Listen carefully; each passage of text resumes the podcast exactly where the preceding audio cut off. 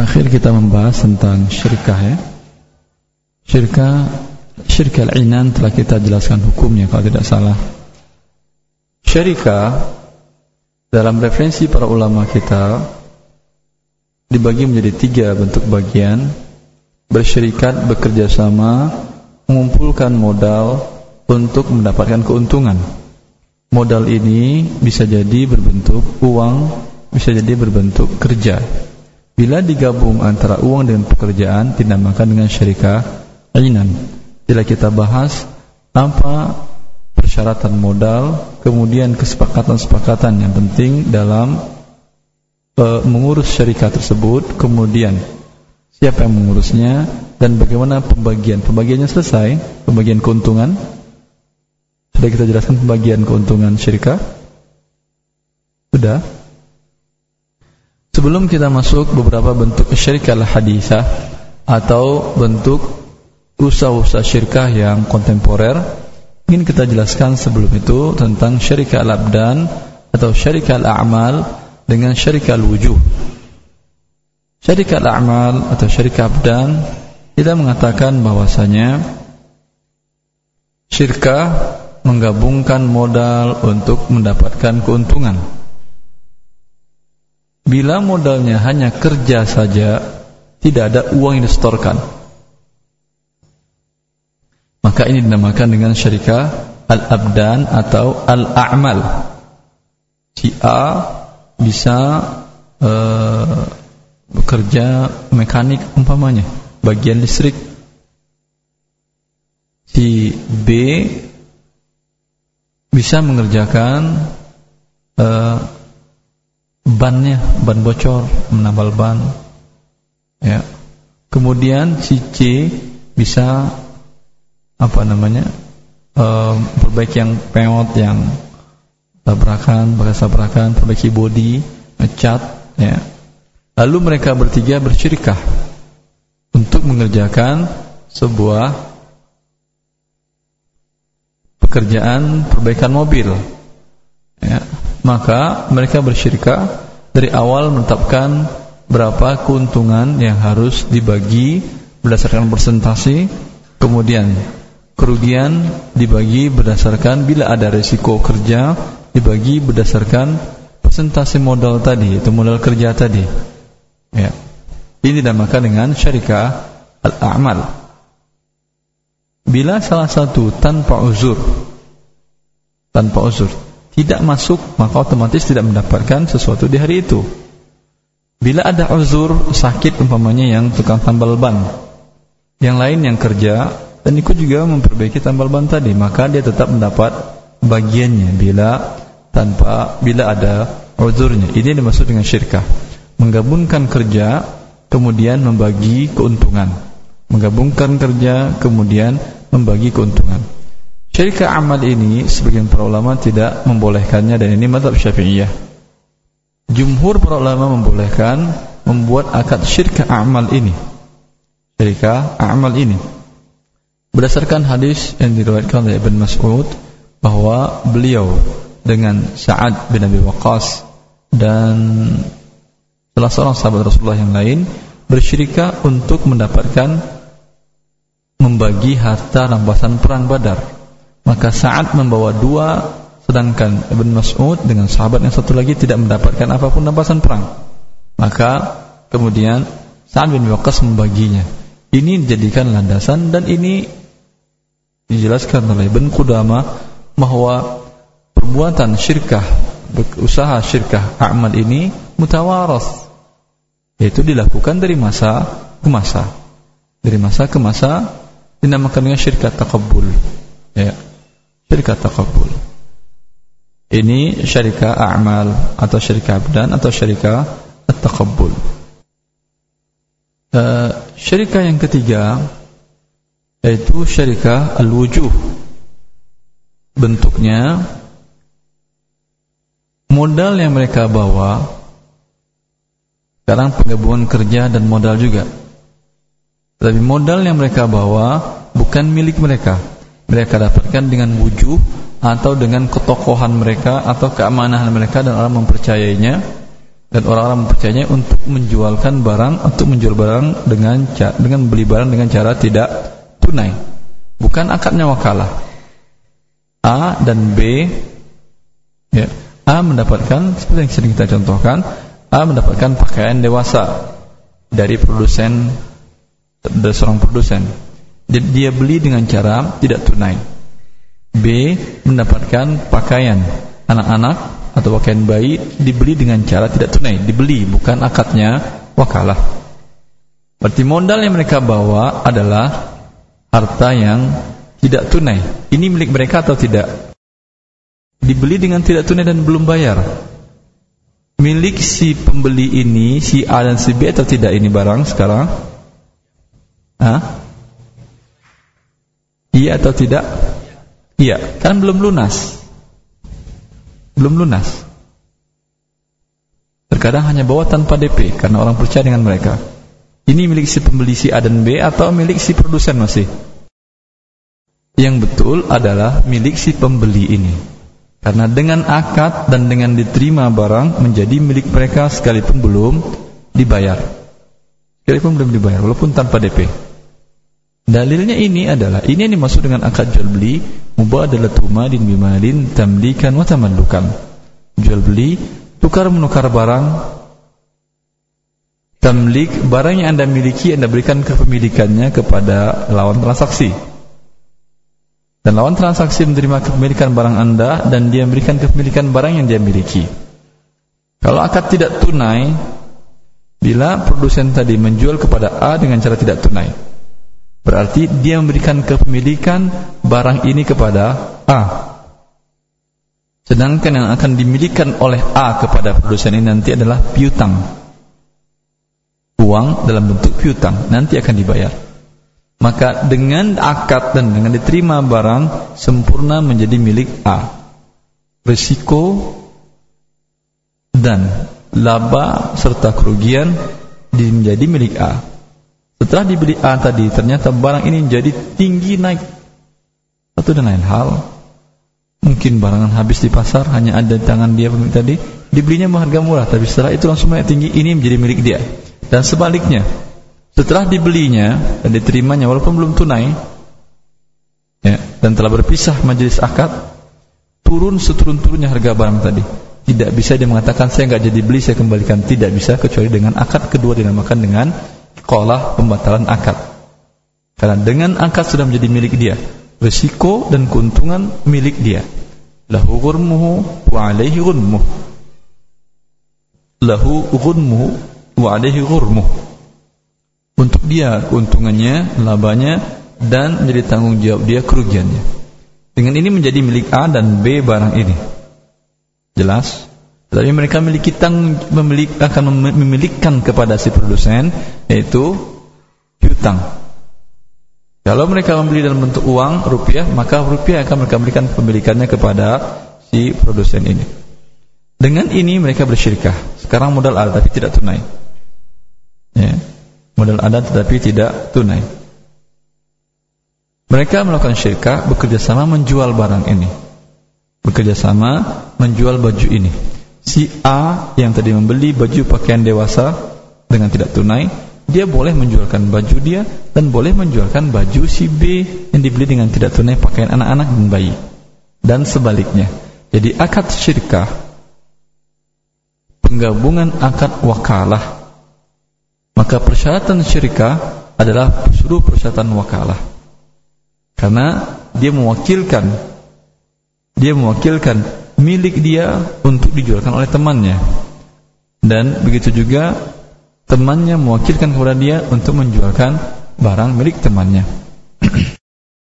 dalam angkat ini pembagian kerugian yang paling penting dalam angkat masalah syirkah pembagian kerugian. Pembagian keuntungan boleh berdasarkan kesepakatan bagian keuntungan boleh berdasarkan kesepakatan dalam seperti yang kita jelaskan dalam masalah syirkah al-inan kesepakatan keuntungan umpamanya 70 30. 70 untuk A, 30 untuk B. Ya. Kalau kerugian haruskah berdasarkan 70 30? 70 30? Hah? Tidak boleh berdasarkan ini. Kerugian harus berdasarkan kursi modal. Bila modal A dan B bersyirkah inan 50 50 50 50%. 50% A 50% B. Tetapi pembagian keuntungan sepakat B 70, A 30 karena satu lain hal mungkin umpamanya B lebih banyak kerjanya dibandingkan yang A. Kalau untung dari modal 1 miliar umpamanya, masing-masing 500 juta, 500 juta. Untung 100 juta. Berapa untuk B? 70 juta. Untuk A 30 juta rugi 100 juta. Dari 1 miliar tadi menjadi 900 juta rupiah. Berapa yang ditanggung oleh A? Tadi keuntungnya 30 untuk A 30 juta. 70 juta untuk B keuntungannya. Kerugiannya sekarang berapa ditanggung oleh A? 30 juta atau 50 juta? Hah? Si A akan mengatakan kenapa saya untung dapat 30 kerugian saya 50 juta padahal keuntungan 100 juta kerugian juga 100 juta. Adil atau tidak ini? Ini dia yang adil. Ini dia yang adil. Karena keuntungan boleh berdasarkan sudah kita jawab atau belum belum kita jawab ya? Yang betulnya kerugian tetap ditanggung oleh A 50 juta ditanggung oleh B 50 juta. Karena porsi modal masing-masing 50 50 ke keuntungan terlambah boleh berdasarkan kesepakatan. Kenapa ini? Ini tidak adil atau tidak adil? Karena bila A ya cuma menanggung kerugian 30 juta, berarti yang menanggung kerugian 70 juta siapa? B. B menanggung kerugian 70 juta. Padahal porsi modal 50 50. Berarti modal A terjamin 20 juta atau 20 persen dari kerugian. Modal yang terjamin ini berubah akadnya dari syirik, terputus syirkah sudah. Berarti bukan kerjasama lagi namanya, karena kerjasama berdasarkan modal. Berarti mereka sekarang tidak kerjasama namanya. Kita terputus syirkah, maka berubah akad menjadi akad pinjam meminjam, di mana modalnya terjamin. Ketika akadnya pinjam meminjam dan mendapatkan keuntungan berubah menjadi riba. Ini dinamakan dengan inqilabul uqud, perubahan satu akad kepada akad yang lain. Ada disertasi dari kakak kelas saya Dr. Muhammad Dausari di Jatul Imam tentang ini inqilabul uqud. Perubahan bentuk satu akad kepada akad yang lain karena adanya kasus-kasus seperti ini di antaranya. Ini riba ini. Kemudian dalam syarikah syarikah al-wujuh ini syarikah ini sudah kita bahaskan. Dalam syarikah al-wujuh Bagaimana kita menentukan porsi modal masing-masing? Tadi barang yang dibawa. A Siapa yang membawa pakaian dewasa tadi atau B? A dewasa A. A membawa pakaian dewasa. B membawa pakaian anak-anak. Dinilai porsi pakaian masing-masing ini. Pakaian dewasa ini senilai dengan berapa rupiah? Pakaian anak-anak ini senilai berapa rupiah? Dengan demikian bisa kita tentukan porsi modal masing-masing. Anda dikatakan ini nilainya semuanya 50 juta yang A.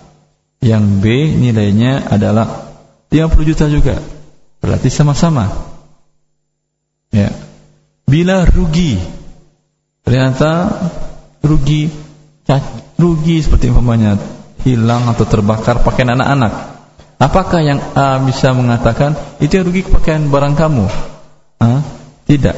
Terputus syirkah namanya. Terputus akad syirkah. Maka kerugian mereka tanggung berdua berdasarkan porsi modal masing-masing, keuntungan boleh berdasarkan kesepakatan mereka berdua. Ya. Ini dia syarikah al-wujuh. Syarikah al-mufawadah sebagian ulama menjelaskan juga bentuk syirkah lain syarikah al-mufawadah. Syarikah al-mufawadah ini gabungan dari bentuk tiga syirkah ini syirka inan, syirka amal, syirka wujud. Dua orang atau lebih bersepakat, modal ada uang diserahkan, kerja juga bersama, bisa beli barang dengan tidak tunai, boleh. Ya. Kemudian masing-masing boleh bertindak seolah-olah milik hartanya dia. Mufawadah dia menyerahkan kepada temannya untuk bertindak atas nama dia seluruhnya. Ini dinamakan dengan syarikat al-mufawadah dan ini dibolehkan. Uh, dalam syarikat al-hadithah atau yang dikenal dengan perusahaannya ya, ada perusahaan PT perseroan terbatas. Ya, kalau dalam masalahnya syarikat uh, mahdudatu al-mas'uliyah. Syarikatul mahdudatul mas'uliyah yaitu kerjasama dua atau lebih dengan tanggung jawab terbatas. Terbatas besar modal yang mereka sertakan dalam usaha tersebut. Jelas ini tanggung jawabnya sebatas ini.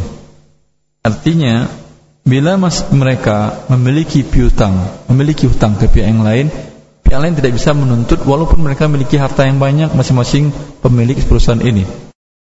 Mereka menyerahkan modal A menyerahkan 500 juta, B 500 juta. Berarti modalnya 1 M, 1 miliar. Ternyata mereka memiliki jatuh paylit dan memiliki utang jam jumlah 2 miliar. Masing-masing mereka memiliki harta masing-masing pribadi mereka 10 miliar 10 miliar. Apakah utang ini mereka wajib bayar ataukah tidak? Dalam peraturan syarikat al-mahdudiyatul mas'udiyah tadi, perusahaan yang terbatas tanggung jawabnya sebesar modal, mereka tidak bertanggung jawab lepas tangan mereka sudah. Ya. Ini bagaimana menurut Anda ini? Boleh atau tidak? Hah? Boleh? Sekarang ada kan banyak, nggak boleh berarti PT nggak boleh. Itu kan PT perseroan terbatas. Karena utangnya nggak dibayar gitu ya. Uh, yang dibahas oleh para ulama dalam hal ini hukum asal muamalah adalah boleh. Dan Rasulullah SAW mengenal muslimuna ala syurutihim. Orang-orang Islam itu berdasarkan syarat mereka.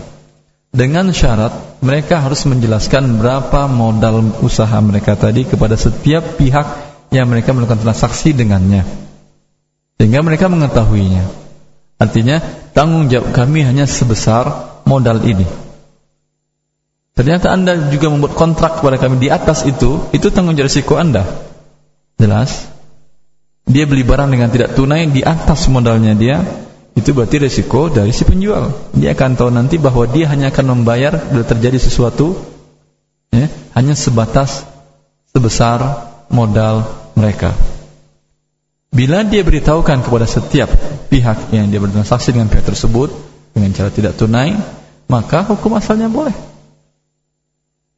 Kalau anda umpamanya hanya membeli barang dengan tidak tunai, beli rumah umpamanya, harga 100 juta rupiah. Ketika ditanyakan, apakah anda memiliki barang aset yang lain untuk, untuk enggak hanya ini saja. Ada yang lain, ada tapi senilai mungkin motor segala macam, ada senilai 10 juta. Berarti kekurangannya berapa? 90 juta kan ya? 90 juta. Ketika tetap dia jual kepada anda rumah ini, berarti dia siap dengan risiko kan? Memang rumah akan Anda gadaikan dijaminkan atas utang tadi. Tapi rumah ini kan bisa turun juga harganya, sebagaimana bisa naik. Anda yang umpamanya menjadi tempat yang tidak strategis bisa turun dari 100 juta tadi, setelah 5 tahun bukan naik, bisa menjadi 50 juta. Ya. Barang gadaian diambil, kemudian sisa aset yang lain diambil tetapi tidak tertutup juga hutang kan? Iya kan? Sisa umpamanya 10 dengan 50 sisa 40 juta. Tapi dari awal sudah siap. Ya, sama dengan hal ini, maka ini dibolehkan. Dibolehkan oleh para ulama berdasarkan keumuman al-aslu fil muamalat ribahah. Mengenai hutang dia tadi, ya, tidak ada resiko untuk dia harus membayar lagi. Baik. Wallahu taala alam. Ini yang saya Perusahaan perseroan terbatas ini ada yang berbentuk terbuka sahamnya. Ya, yang sahamnya terbuka dijual belikan bebas. Ini pernah kita bahas di pembahasan buku Harta Haram tentang saham dari perusahaan terbuka tadi. Perusahaan TBK itu. Uh, ada beberapa jenis saham, ada saham biasa, ada saham istimewa. Istimewaan saham tersebut apa? Biasanya mereka mensyaratkan bahwa para pendiri para pendiri perusahaan tersebut ya, berhak dengan dividen di awal bagi hasil dividennya bagi hasilnya mereka di awal kemudian setelah menutupi uang-uang mereka baru sisanya bila terjadi likuidasi mereka yang berhak pertama terjadi likuidasi mereka berhak mendapatkan hak mereka pertama sebelum pemegang saham yang lain ini boleh atau tidak? kenapa tidak boleh? masih ingat kenapa tidak boleh? karena dari mana ribanya ya? ya Masya Allah uang dia terjamin berarti Para pemegang saham istimewa ini uangnya terjamin. Karena ketika dilikuidasi perusahaannya, bangkrut perusahaan dia, uang dia ditutupi uang mereka dahulu, modal mereka baru sisanya untuk yang lain kalau ada.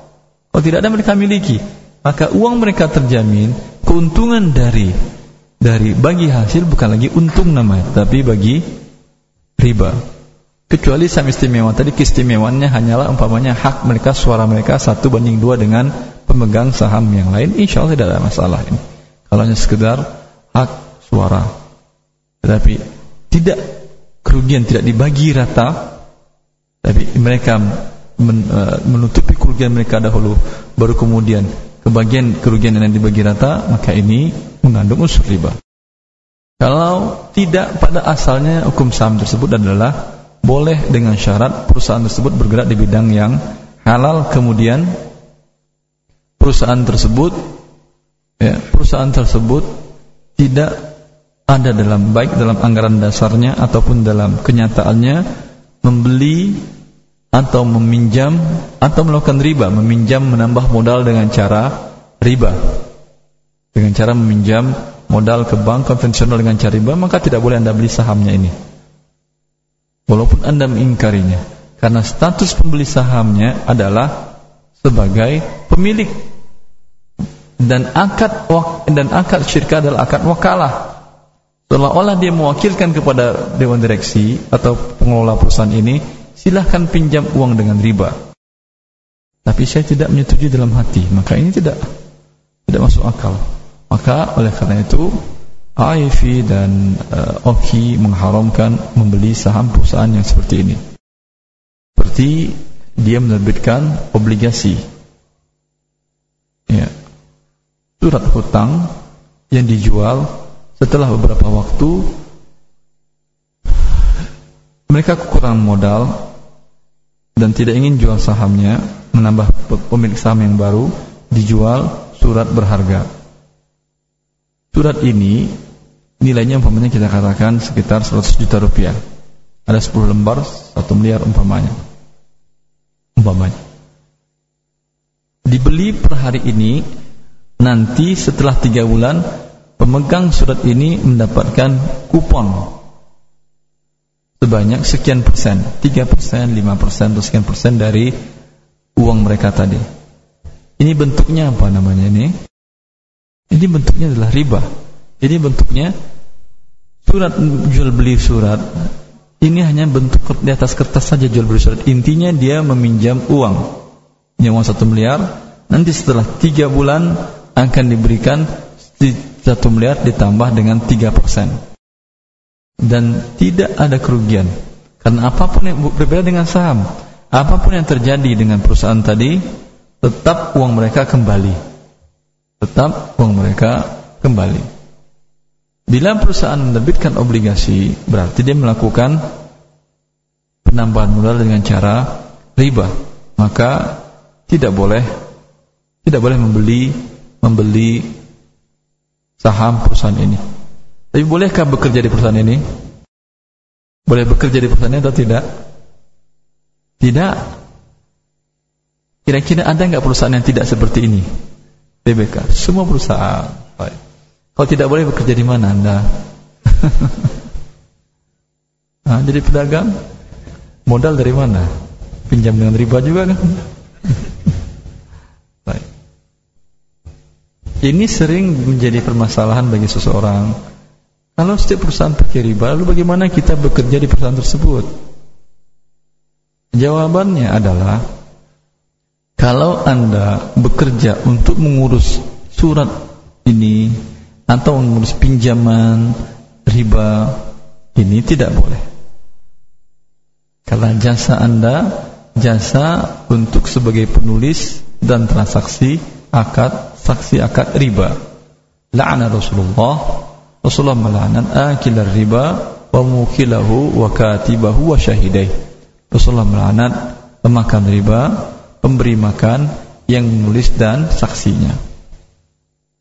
Jelas? Kalau anda bekerja di bagian yang halal ya yang tidak ada hubungan dengan akad riba tadi jasa anda halal maka anda berhak mendapatkan mendapatkan imbalan jasa yang halal tadi. Kalau perusahaan anda mendapatkan modal dengan riba berarti dia pemberi makan atau pemakan pemberi makan riba atau pemakan riba? Pemberi makan. Uangnya bertambah atau berkurang dengan riba? Uangnya berkurang kan dia harus bayar ribanya kan? Dia harus bayar bunga kepada pemegang obligasi atau kepada bank yang berikan pinjaman pada dia. Berarti yang diberikannya kepada anda uang adakah uang riba atau tidak? Tidak. Maka uang mereka berkurang. Bahkan uang mereka berkurang. Jelas ini? Boleh berarti bekerja di perusahaan tersebut boleh, hartanya halal gajinya. Ya, kalau yang mubah tadi insya Allah halal. Yang menjadi masalah kalau mereka menyimpan kelebihan dananya dalam bentuk riba. Jelas? Terkadang dana perusahaan kurang dipinjam dengan dengan cara akad riba. Terkadang dana perusahaan berlebih dan disimpan dengan cara riba dari keuntungan riba ini berarti akan bertambah ke dalam harta perusahaan. Jelas ini? Jelas bentuknya? Kalau ini bentuknya, mungkinkah gaji Anda tadi adalah bunga dari riba? Mungkin. Boleh berarti bekerja terima bunga riba? Hah? Apakah ada kewajiban Anda menanyakan kepada bagian apa namanya? Akuntan bagian keuangan ini gaji saya ini ada nggak bunga ribanya? Bila harta yang bercampur seperti ini, hartanya kan bercampur kan, dan pertambahan bunga ribanya kan nggak terlalu besar. Besar atau kecil pertambahan bunga ribanya dari keseluruhan aset perusahaannya? Besar atau kecil? Kecil sekali kan. Dan kecil, bila hukumnya kecil, ya, Rasulullah SAW bermuamalat bertransaksi dengan Yahudi, dengan Yahudi min yahudiyyin li ahlihi wa rahanahu dir'ahu Rasulullah memberi makanan dari seorang Yahudi kemudian menggadaikan baju besinya. Jelas ini? Menggadaikan baju besinya. Berarti Rasulullah jual beli dengan Yahudi. Kemungkinan makanan yang dimiliki Yahudi tadi dibelikan dan didapatkan dengan cara riba. Mungkin atau tidak? Mungkin karena Allah mensifati Allah mensifati mereka وبظلم من فبظلم من الذين هادوا حرمنا عليهم طيبات أحلت لهم وبصدهم عن سبيل الله كثيرا وأخذهم الربا وقد نهوا عنه dan dengan kezaliman orang-orang Yahudi Allah jelaskan sifat-sifat kezaliman mereka kemudian mereka mengambil riba kata Allah dan mereka telah dilarang melakukan riba meskipun demikian Rasulullah SAW tetap bermuamalat dengan Yahudi baik jual beli ataupun menerima bahkan menerima hadiah dari Yahudi terima dari Rasulullah sallallahu alaihi wasallam. Berarti bila Anda bekerja di perusahaan yang riba tadi, tapi akad yang halal atau bekerjasama dengan seseorang ya yang dia yang dia ini hartanya Anda modalnya dari riba. Kan bercampur perusahaan tadi modalnya kan. Anda juga kemungkinan yang modal dari riba. Boleh ini bekerja sama seperti ini? Boleh. Boleh. Ya, karena semuanya menjadi bercampur dan boleh. Wallah taala Ini syarikah yang TBK dan telah kita jelaskan. Ya. Kemudian ada satu bentuk syirkah yang baru yang menjadi produk lembaga keuangan syariah yaitu syarikah al-musyarakah al-mutanaqisah Munanakisah Mereka namakan produk ini dengan MMQ Bentuknya adalah Di awal Antara nasabah dengan lembaga keuangan Sama-sama memberikan modal. Umpamanya nasabah 20% atau 30% Lembaga keuangan 70 atau 80 Mereka sepakat membeli suatu objek barang. Kemudian dijual kembali kepada nasabah saham dari perusahaan tersebut. Bentuknya begini. Tapi mungkin akan berbeda dengan yang menjadi produk lembaga keuangan. Kalau A dan B sama-sama ingin beli sebuah rumah. A modal 350, B modal 50 persen. Mereka beli rumah bersama. Setelah beli rumah bersama, ternyata B mengatakan, ah saya nggak ingin nempatinnya. Kamu aja nempatin seluruhnya, yang bagian saya saya sewakan kepada anda. Jelas? Boleh seperti ini? Boleh disewa oleh dia bagiannya. Kalau si B kemudian mengatakan, ya udah, daripada saya sewakan saya jual seperti nggak bakal juga nempatin itu, saya jual saja kepada anda. Saya jual lebih mahal, harga lebih murah, terserah. Tapi biasanya lebih mahal kan?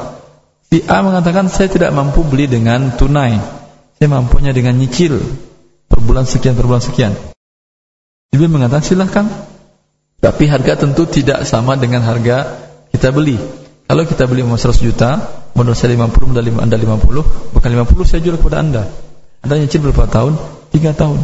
Saya jual 70 juta atau 80 juta 10 juta per tahun pertambahannya. Setuju si A. Nyicil dia. Boleh ini. Kalau terpenuhi rukun musyarakah, syarat musyarakah dan syarat jual beli boleh, hukum asalnya boleh. Walaupun ini namanya menggabungkan dua akad, menggabungkan dua akad tidak mutlak diharamkan. Tidak mutlak diharamkan. Maka langkah-langkah yang penting diperhatikan dalam hal ini, ini yang menentukan dia sah atau tidak. Kalau bentuknya si A, si B yang memiliki, si B sebetulnya nggak pengen rumah ini, ya. Tapi si A mengatakan kalau si A pinjam uang kepada B 50 juta, kembali 70 juta atau 80 juta, ini apa hukumnya? Riba. Si A nggak ingin riba, si B nggak ingin riba. Kalau si B ingin melakukan merubah dengan beli sendiri, dia juga nggak punya modal 100 juta. Jelas? Dia hanya punya modal 50 dan si A punya modal 50. Jelas ini bentuknya? Lalu si B mengatakannya begini, kamu punya modal berapa 50? Saya punya 50. Ya.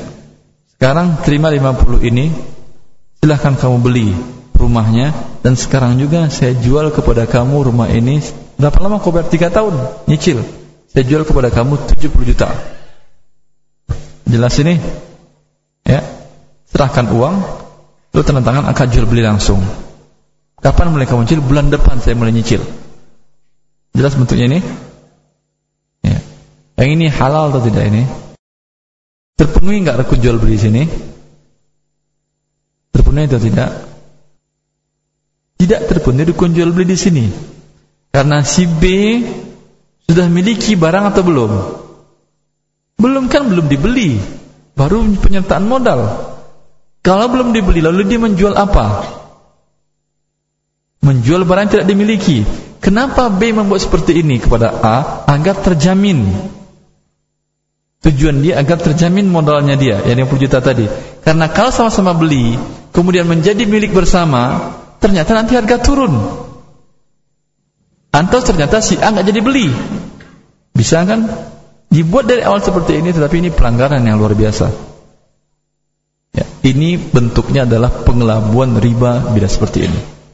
Bila seperti ini pengelabuan riba. Tidak terpenuhi rukun dan syarat jual beli. Jelas? Tapi kalau sama-sama antara A dan B ini dan lihat terkadang ada dilakukan keuangan seperti ini terkadang tidak lihat terkadang ada terkadang tidak karena kesalahan pribadi atau bagaimana tapi kalau A dan B bersepakat beli dulu, masing-masing serahkan yang 50. Lalu si B mengatakan, saya punya waktu untuk mengurus pembelian. Silahkan kamu yang beli. Ya. Silahkan beli. Tapi nanti kamu jual ke saya ya, kata, insya Allah. Atau B mengatakan, insya Allah kamu jadi beli ya, insya Allah. Ada perjanjian perikatan? Tidak ada. Ya. Di sini ada risiko kan? Kemudian dibeli oleh A rumah tersebut, ya baik atas nama A atau atas nama AB atau atas nama B tidak ada masalah. Tapi dibeli mereka, dibeli dia dengan uang syirkah tadi, uang musyarakah tadi. Setelah dibeli oleh A, maka sekarang si B mana? Udah dibeli, udah, udah diterima, sudah. Ya, berarti saya saat punya saham sana iya. Saya jual yang punya saya, Anda belum beli berapa? Berapa lama Anda angsuran? Sebanyak tiga tahun. Ya saya jual saham saya kepada Anda tadi, 50 juta tadi. Sekarang di setengah rumah ini saya jual kepada Anda seharga 80 juta dengan cicilan selama selama tiga tahun umpamanya. Ini boleh? Ini boleh. Seperti ini boleh. Tapi risikonya besar seperti tadi. Setelah dibeli bersama, oh saya nggak jadi beli. Bisa kan? Karena nggak diikat haknya dia. Ya, ini dinamakan dengan musyarakah mutanakisah. Dia bisa menjadi pengelabuan riba dan bisa menjadi solusi dari riba. Solusi dari riba. Wallah ta'ala alam. Kalau ada pertanyaan, silakan. Assalamualaikum warahmatullahi Ada pertanyaan dari pendengar Radio Roja dan pemirsa Roja TV. Assalamualaikum Waalaikumsalam. Ada seorang pedagang kayu. Suatu kondisi saat dia tidak ada uang untuk belanja pesanan dan dia bagi hasil dengan teman pedagang kayu yang dia supply. Misalnya dia tawarkan bagi hasil per meter kubik 100 ribu tanpa memberitahukan keuntungan aslinya kepada investornya. Apakah dibolehkan hal tersebut? Enggak paham saya. Coba kita ulangi. Seorang pedagang kayu, suatu saat tidak ada uang untuk belanja pesanan. Ada orang yang pesan ke dia, tapi dia tidak punya uang. Dan dia bagi hasil dengan teman pedagang kayu yang dia supply. Apa maksudnya? Dia apa maksudnya apa? Ngambil barang dulu gitu nanti dengan bagi hasil. Begitu. Udah, kayu saya ambil dulu, nanti saya bagi hasil. Karena saya sudah ada jam. Misalnya dia tawarkan bagi hasil per meter kubik kayu 100 ribu. Ya. Dia mengatakan Anda dapat keuntungan per meter kubiknya 100 ribu. 100 ribu rupiah. Dengan menentukan nominal tidak boleh dalam akad bagi hasil Menentukan nominal tidak boleh. Tapi ini kalau ngambil kayu, saya kira bentuknya bukan mudharabah, mewakilkan. Mewakilkan, menjualkan, tolong jualkan kayu saya, beri saya keuntungan per meter kubiknya 100 ribu. Jadi bukan bagi hasil namanya. Ya. Tapi kalau bagi hasil dengan cara menyerahkan barang dinilai, kemudian dia minta keuntungan dengan nominal tetap maka ini tidak boleh karena mengandung gharar. Tapi ini akadnya wakalah. Silahkan jualkan kayu ini, beri saya keuntungan atau dia, saya tolong jualkan kayu Anda. Saya berikan Anda keuntungan 100 ribu rupiah per meter kubik.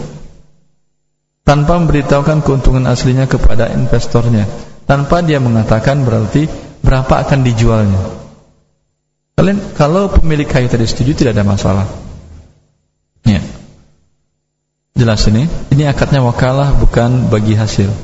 Allah taala Dan wakalah boleh seperti ini kalau bagi hasil tidak boleh.